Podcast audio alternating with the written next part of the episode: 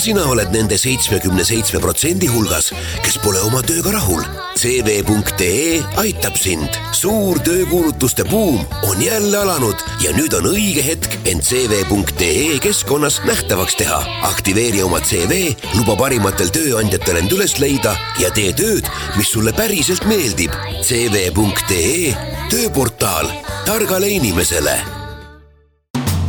hääletades Euroopasse. Saadet toetab Euroopa Parlamendi Eesti büroo eetris on saade Hääletades Euroopasse. stuudios on Annika Õunap ja Kalev Stoicescu, Rahvusvahelise Kaitseuuringute Keskuse teadur, tere tulemast! tere! me räägime täna Eesti ja Euroopa julgeolekust ning räägime sel teemal peamiselt, et heita pilk, milline on Venemaalt lähtuv oht ma usun, et me saame oma veerandtunniga ülevaate, küll põgusa, ent siiski hea ülevaate sellest, millised on Venemaa lähituleviku sellised kavatsused ja kui turvaliselt saame meie siin naabruses end tunda. me räägime täna ka sellest, et praegu on Venemaa käivitanud oma propagandamasina, et mõjutada eelseisvaid Euroopa Parlamendi valimisi. aga esmalt, üsna palju on saanud ähm, kõneainet Venemaa Föderatsiooni relvajõudude staabiülema kindral Valeri Gerassimovi kõne,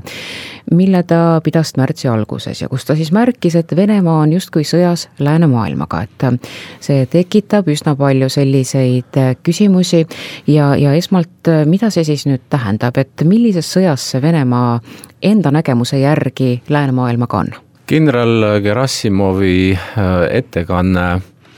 märtsi alguses äh, pälvis tõepoolest äh, tähelepanu vähemalt kaitsealaste spetsialistide mm, poolt. kuigi seda täismahus Venemaa oma avalikes kanalites, näiteks relvajõudude ajalehes Punatäht noh, ei refereerinud, seal olid mõned väljavõtted, ehk siis resümee, selle resümee põhjal ähm, võib öelda, et Gerassimov tegi väga selgeid vihjeid sellele, et, ähm, et sõda käibki, selles mõttes. See tänapäevane sõda on ju siiski muutunud mõnevõrra äh, Äh, võrreldes klassikalise sõja definitsiooniga, tähendab, kui inimene kuuleb, et sõda käib, siis ta kujutab ette tavaliselt, et äh, lennukid äh, lendavad ja pillavad pomme kuskil ja, või raketid lendavad ja nii edasi, mingid väed liiguvad. tähendab, tänapäevane sõjapidamine, mida nimetatakse ka hübriidsõja pidamiseks, hõlmab praktiliselt kõiki vahendeid ja, ja tsiviilvahendeid, ähm, nii et selles mõttes relvajõud äh, leiavad kasutamist äh, ainult siis, kui nende kasutamine on nii-öelda äh, Venemaa vaatevinklist ühtpidi võimalik, aga teistpidi ka möödapääsmatu selleks, et oma, oma eesmärke saavutada. nii et Venemaa on, on sügavas ja kasvavas, ma ütleksin, vastasseisus läänemaailmaga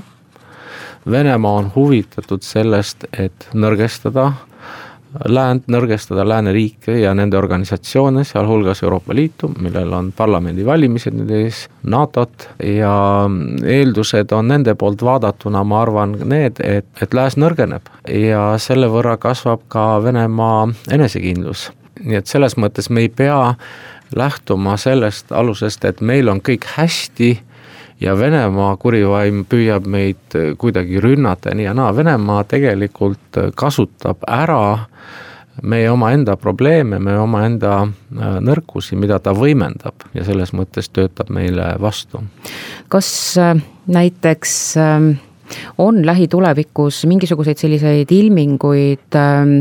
et ähm, eskaleerub ka sõjaline konflikt kuskil piirkonnas või et selline jõu kasutamise meetod just nii-öelda traditsioonilises mõttes? no Venemaa lähenemisel on, on, ütleme, seal on mitu astet, kui me vaatame nende kontseptsiooni ja, ja, ja poliitilisi sõjalisi doktriine, et äh, kõigepealt püütakse nõrgestada vastast võimalikult palju, sest ju äh, lääne majanduslik ja sõjaline ülekaal on ikkagi olemas, Venemaa ju teab seda, nii et ei maksa sellist täiemahulist konflikti tekitada vastasega, kui me võtame läänemaailma tervikuna, mis on üle kolmekümne korra majanduslikult vägevam ja, ja ka sõjalises plaanis äh, suurem ja võimsam ikkagi. Ja siin, kui me vaatame Euroopa Parlamendi valimistele, siis kahtlemata vesi Venemaa veskile on see, kui tugevnevad ja isegi pääsevad võimule, noh, me vaatame, kuidas Eestiski läheb, äh, erakonnad, kes äh, tegelikult äh, ütleme, on äärmuslikud, populistlikud, lõhestavad üri-, ühiskondi ja nõrgestavad riike, isegi kui need liik-, poliitilised liikumised ja erakonnad ei ole otseselt nii-öelda Putini või Venemaad soosivad, nad kaudselt ikkagi toetavad Venemaa agendat. samamoodi Venemaa ju ekspluateerib läbi meedia ja, ja sotsiaalmeedia inimeste meelsust omaenda eesmärkides. näiteks immigratsiooni teemal, see on teema jälle, mis on lõhestanud Euroopat, nemad äh, valavad sinna õli ilusti tulle, eks ole, et oleks veel suurem tuli ja, ja Euroopa lõheneks veelgi rohkem, nagu me näeme Lääne- ja Ida-Euroopa vahel, see lõhe, mis on tekkinud. Need on sellised aspektid, kus äh, teatud jõud ja inimgrupid äh, teadlikult või teadmatult, otseselt või kaudselt võivad toetada Venemaa eesmärke, Venemaa seda kasutab ära. Ja vahe, ütleme, klassikalise mõjutustegevusega, mis oli kunagi, mis oli ideoloogiline kommunismi ajastul, noh, külma sõja ajal, kus siis Venemaa kasutas üksnes ähm, nii-öelda ideoloogiliselt sobivaid vahendeid nagu lääneriikide komparteisid ja nende häälekandjaid ja nii edasi, siis tänapäeval nad kasutavad ükskõik keda, ükskõik mida. nii et ühest küljest on desinformatsiooniline ja mõjutustegevus Äh,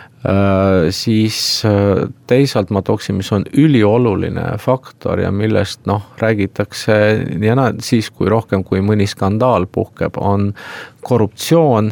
sest me ei ole suutnud Euroopa poolt Venemaale demokraatiat eksportida, aga nemad on suutnud korruptsiooni äh, võimendada Euroopas, noh, ei saa öelda, et Venemaa oleks seda Euroopas juurutanud, aga ta on kindlasti võimendanud seda teatud riikides ikka väga palju ja rahapesu, noh, isegi kui meie pisikesest riigist on nii kolossaalsed summad läbi käinud, siis me ei kujuta ette, mis summad Euroopas äh, tervikuna äh, läbi käivad, nii et see on nagu mingisugune vähkkasvaja, mida nad on istutanud ja toidavad äh, Euroopas, millega nad manipuleerivad poliitikuid ja poliitilisi liikumisi ja otsustusprotsesse ka majandustegevust ja kõike muud. Nad muidugi äh,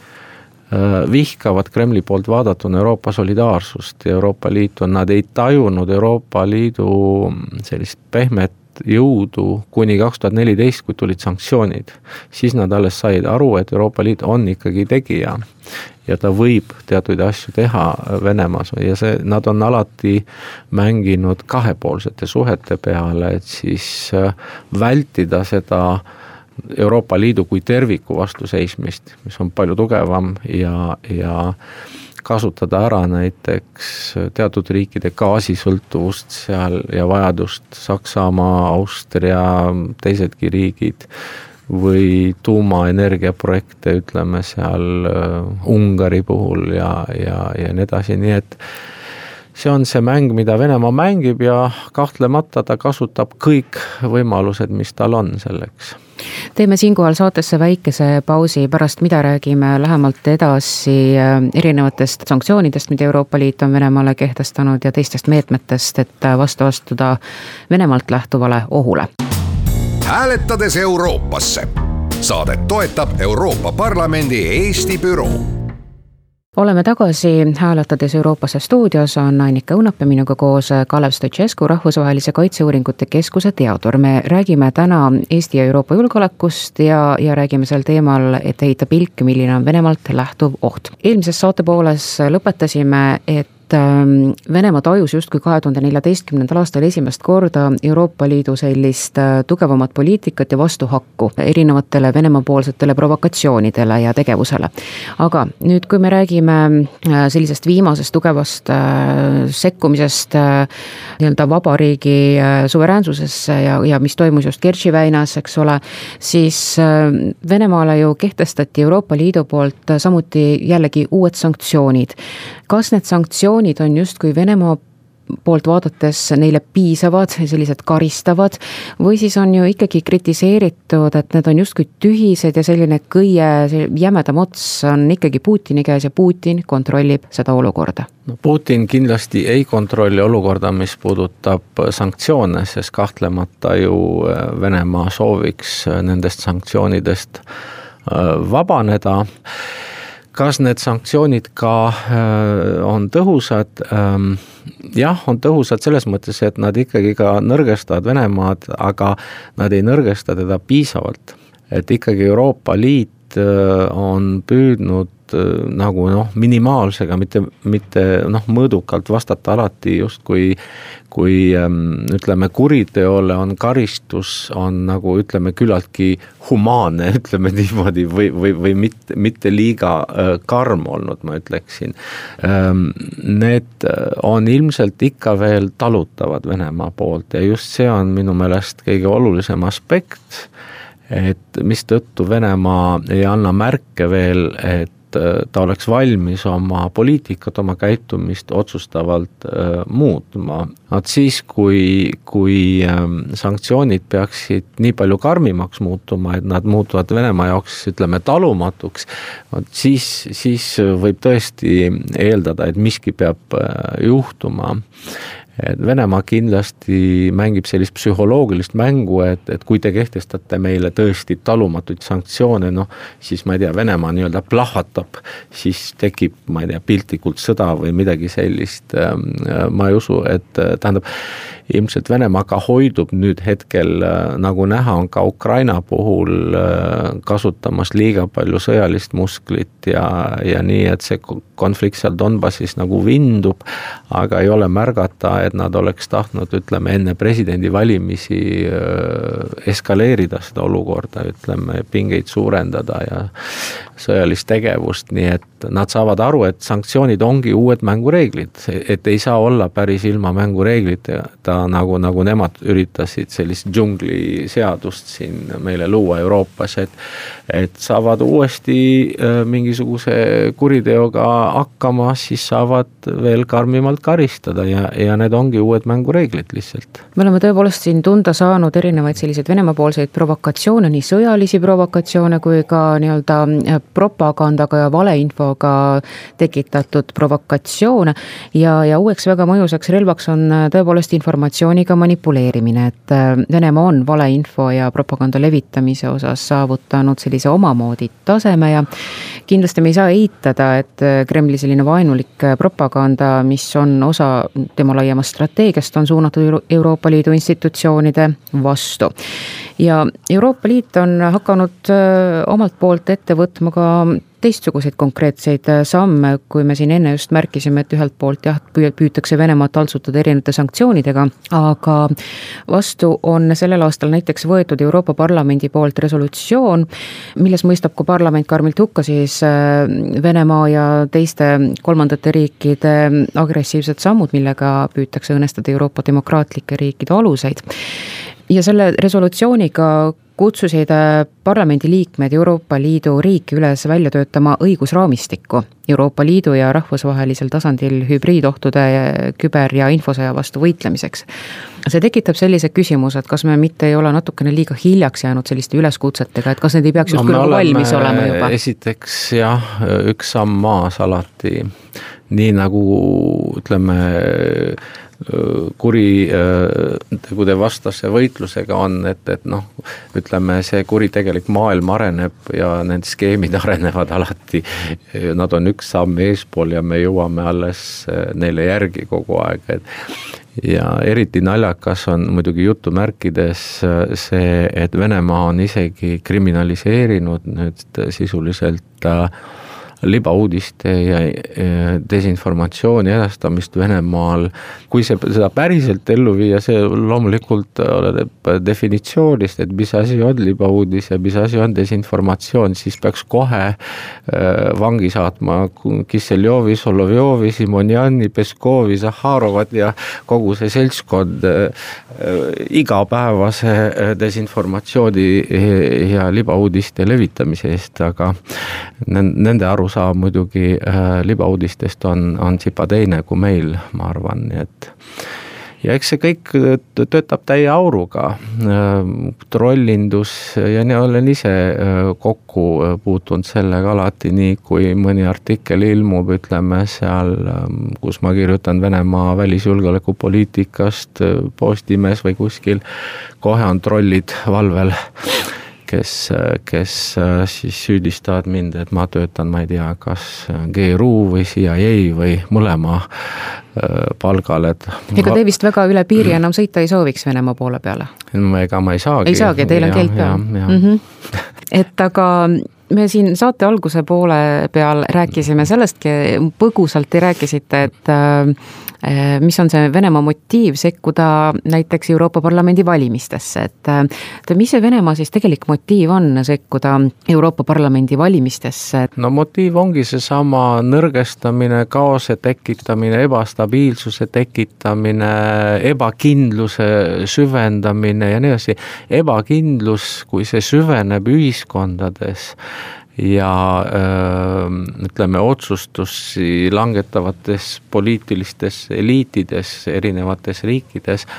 et Venemaa teeb midagi näiteks Balti riikide vastu nii, ja siis ebakindlus on juba sellisel tasemel, et kõik hakkavad kõhklema, kas ikka Venemaa tegi midagi, kas me ikka peaks vastama, kas me ikka nii karmilt peame ja otsustavalt talle vastu astuma ja nii edasi ja nii edasi. vot, vot see ongi see, mida Venemaa äh, tahab äh, siiski, Venemaal ei ole mingisuguseid omi kandidaate, kandidaate sinna Euroopa Parlamenti. tähendab, Venemaa vaatab igat riiki, neid parteisid ja kandidaate ja nii edasi ja leiab endale sobivaid nii-öelda liitlasi, kes tema eesmärke edendavad ja toetavad, ütleme otseselt või kaudselt. ja, ja lõpetuseks, kas ja kui palju ohustab Venemaa neid piirkondi, millel on konkreetne piir Venemaaga ja, ja neid piirkondi, mis on just nagu endised äh, Nõukogude Liidu alad, et või, või pigem Euroopa Liit, või tähendab, Venemaa näeb Euroopa Liitu kui sellist tervikut? no ütleme, Venemaa jaoks on hetkel kindlasti esmajärgulised äh, sihtmärgid, ütleme nii, või eesmärgid on Ukraina ja, ja Valgevene äh,, mitte selles mõttes, et Valgevene kuhugi ära libiseks läände, vaid et seda nii-öelda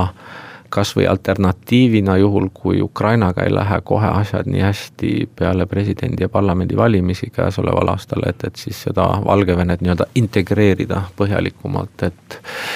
äh, ma ei usu, et Balti riigid on nüüd äh, nende esimene valik ja esimene äh, sihtmärk. see kõik sõltub sellest, kas tekib mingi suurem konflikt, ütleme Venemaa ja ja läänemaailma või NATO vahel, ütleme, ja siis sellisel juhul tõepoolest on selge, et NATO on kõige kergemini rünnatav just selles piirkonnas. aga noh, loodame, et et, et selline olukord ei teki lihtsalt. aga suured tänud, äärmiselt põnev oli äh, teiega juttu ajada, hääletades Euroopasse saade on tänaseks lõppenud, kuid oleme eetris juba nädala pärast äh, samal ajal. stuudios olid äh, Annika Õunap ja minuga koos siin Kalev Stoicescu, Rahvusvahelise Kaitseuuringute Keskuse teadur, aitäh! hääletades Euroopasse saadet toetab Euroopa Parlamendi Eesti büroo